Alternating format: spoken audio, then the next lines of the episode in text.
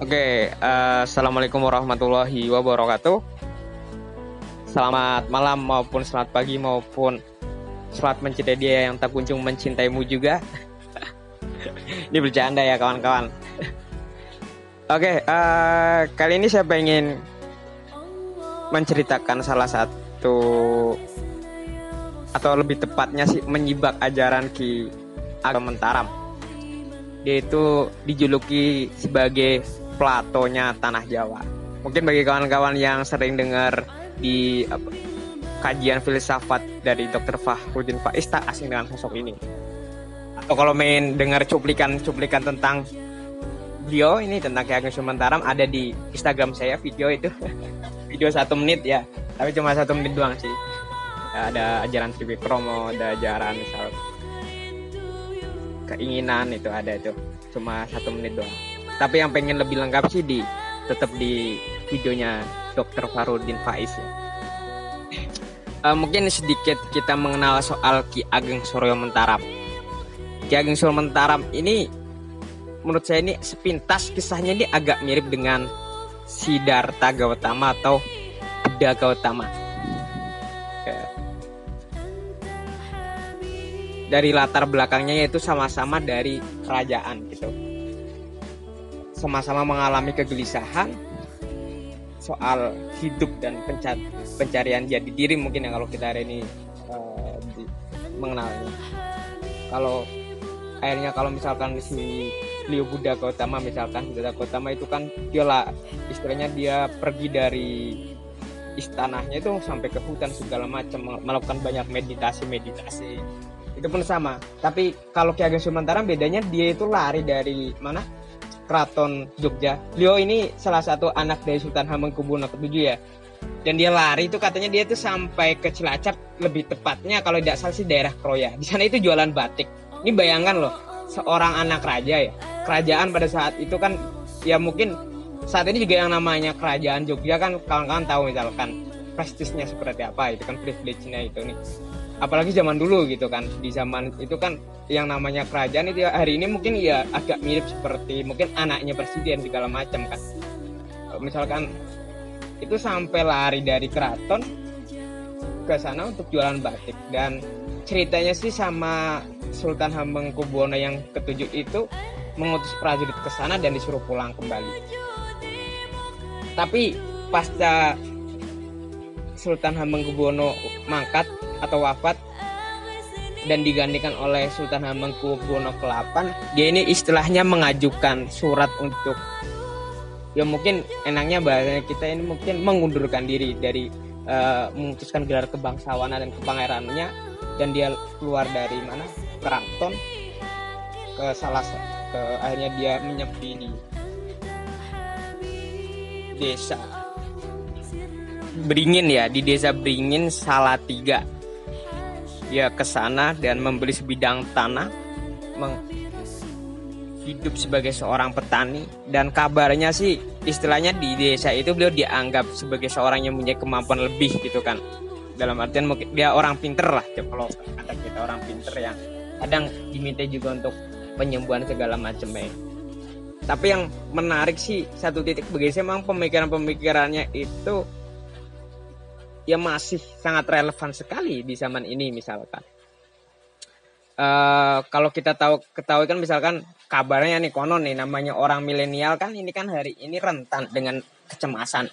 Itu kecemasan soal masa depan ke khawatir soal masa depan juga gitu kan. Apakah misalkan nanti misalkan gitu. Atau misalkan nanti habis ini saya ke mana nih? Habis kuliah ini ke mana? Atau nanti setelah kerja nanti mikir nik, nik, nikahnya gimana? Udah punya udah nikah pun nanti mikir anaknya gimana nanti anaknya punya anak pun nanti anaknya besar pun punya kekhawatiran-kekhawatiran berlanjut. Kan seperti itu. Dan satu titik juga kita kadang ini kan menyesal dengan masa lalu gitu kan. Uh, ya kan yang misalkan ini kan agak mirip dengan lagunya siapa itu misalkan masa lalu biarlah masa lalu kan seperti itu. Dalam artian kalau bagi Ki Ageng Sulmantaram seperti ini. Mungkin kalau nanti kita istilahnya agak disamakan dengan itu ya pak ajaran stoy. Kalau menurut Tiaga Sumatera gini kita ini boleh kok merancang masa depan gitu. Tapi jangan dikhawatiri. Masa lalu pun seperti itu. Diingat itu boleh tapi disesali jangan. Karena kalau disesali maka batin kita ini sengsara gitu kan jangan pernah menyesal apa yang sudah terjadi yang sudah terjadi udahlah gitu kan. Dan jangan khawatir apa yang perlu terjadi. Nikmati saja masa kini dan itu memang ada senangnya ada susahnya. Nyawanya kan memang di sini. Dan masa depan yang mungkin mengkhawatirkan ya itu kan di satu sisi nanti pasti ada senangnya dan pasti juga ada susahnya. Dan masa lalu yang istilahnya kita sesalkan itu kan pasti ada senangnya pasti ada susahnya. Cuma kadang yang kita ingatkan susahnya aja kan seperti itu itu bagi saya kalau kita istilahnya punya kesadaran sampai titik ini kita ini dalam artian sedikit nggak terlalu istilahnya apa ya. Ya mungkin nggak terlalu cemas juga gitu kan. Kalau menurut filsafat setua itu masa lalu misalkan masa lalu itu kan sudah benda mati. Jadi nggak usah kita soal karena itu benda mati dan udah nggak bisa mungkin kita ubah gitu kan. Dan yang paling penting bagi saya hari ini adalah uh, refleksi dari ajaran beliau adalah udah kita nikmati aja nih masa gini gitu kan toh di masa yang akan datang misalkan uh, yang kita khawatirkan belum tentu itu akan terjadi juga kan seperti itu. Misalkan mas depan itu kan mungkin agak seperti misalkan kita melihat ke, pergi ke suatu daerah misalkan ke desa ke mana itu kan kadang gelap kan menakutkan kan. Atau misalkan lewat kuburan kan kelihatan menakutkan dari kejauhan. Tapi faktanya ketika deket kan setelah kita melewati oh ternyata ya cuma seperti ini Begitu kehidupan kan tidak jauh seperti itu.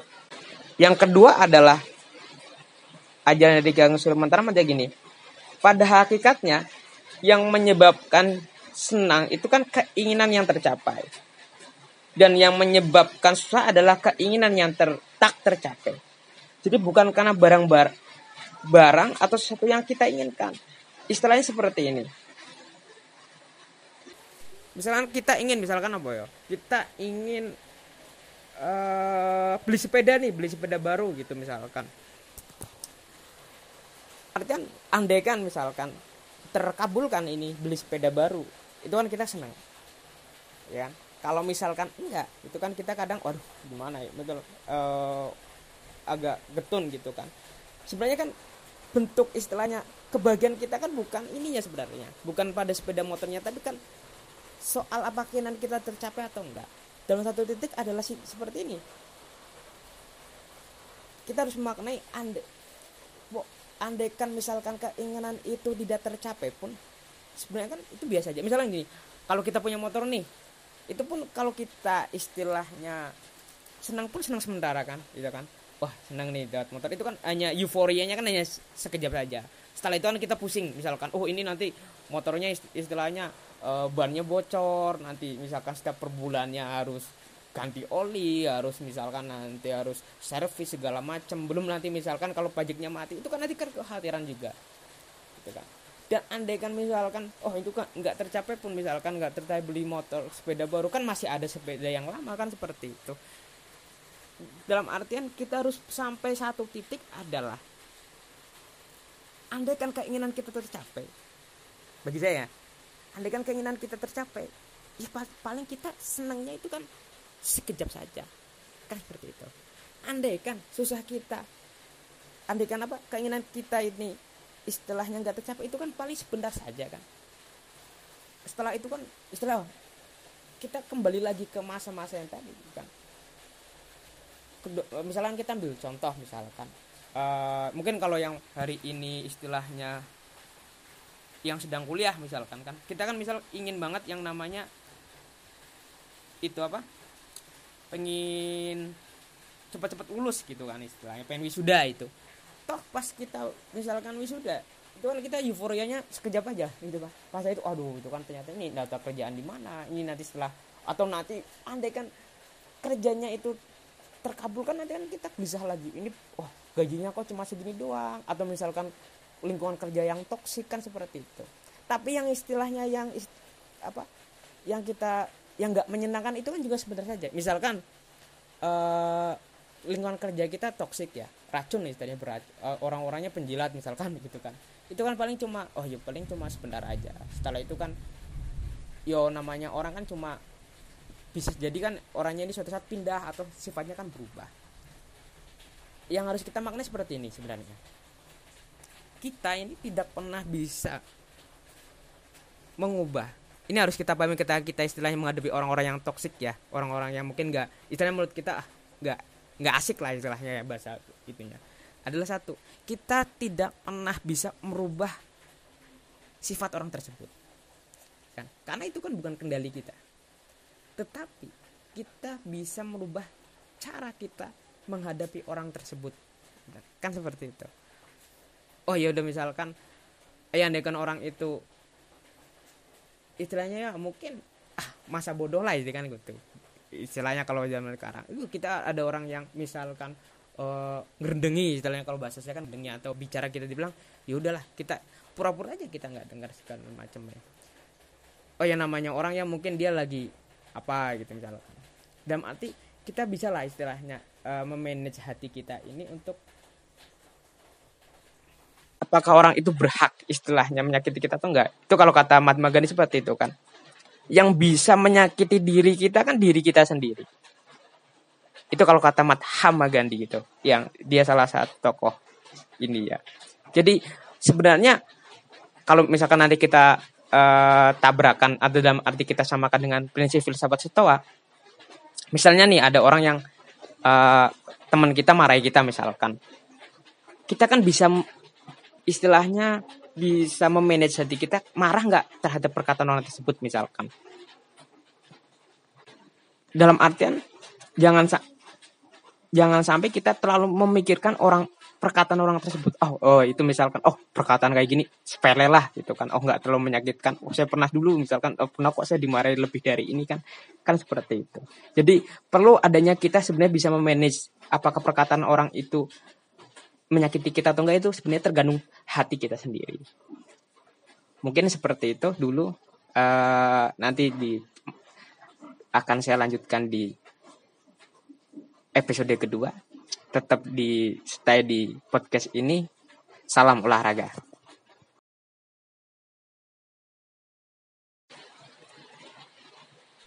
Oke, okay, uh, eh, assalamualaikum warahmatullahi wabarakatuh. Selamat malam maupun selamat pagi maupun selamat mencintai dia yang tak kunjung mencintaimu juga. ini bercanda ya kawan-kawan.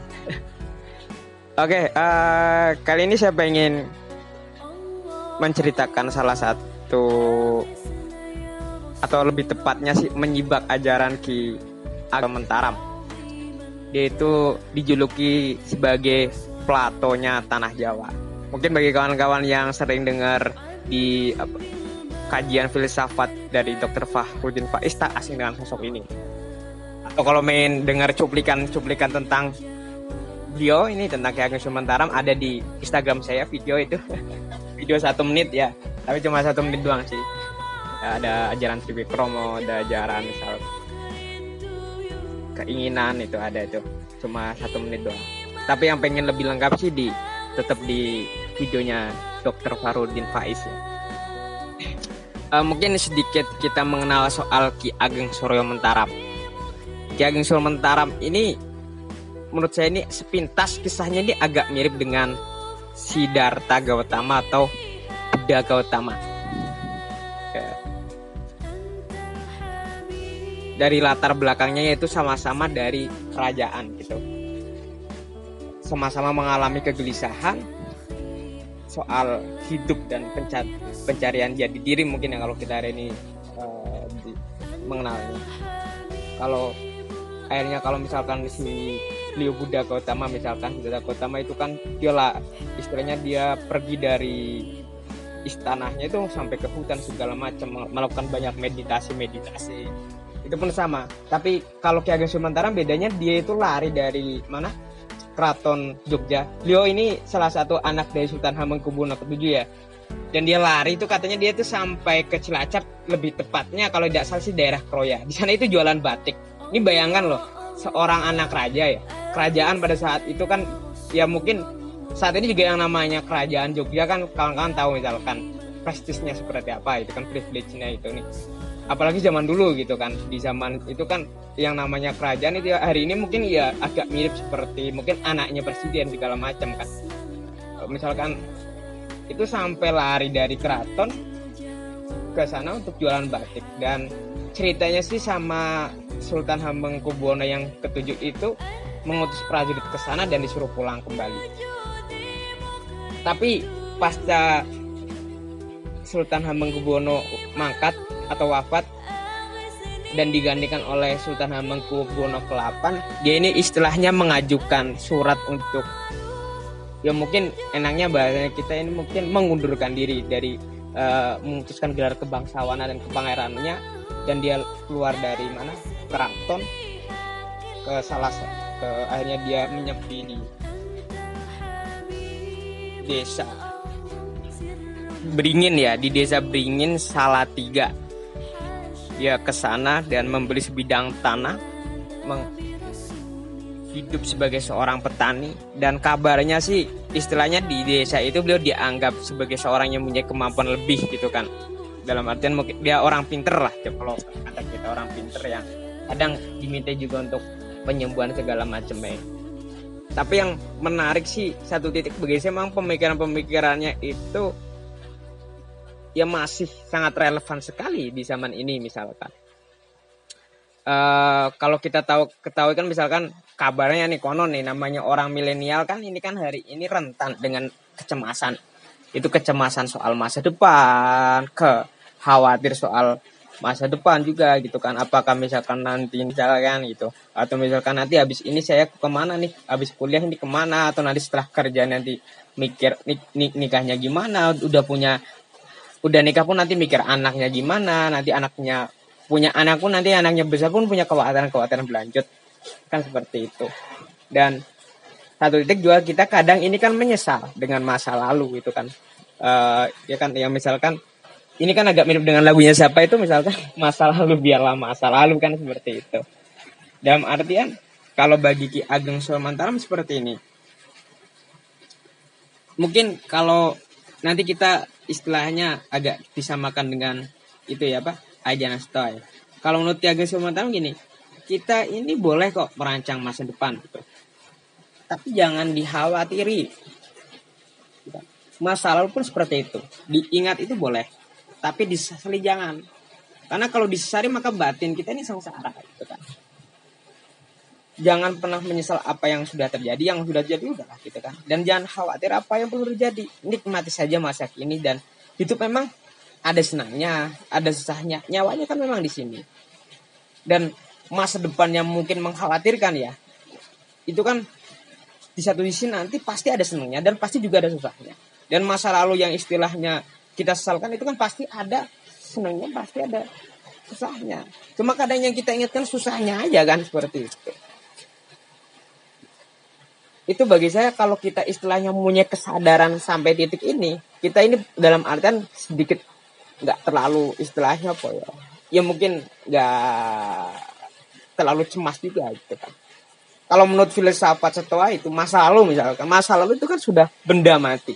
Jadi nggak usah kita soal karena itu benda mati dan udah nggak bisa mungkin kita ubah gitu kan.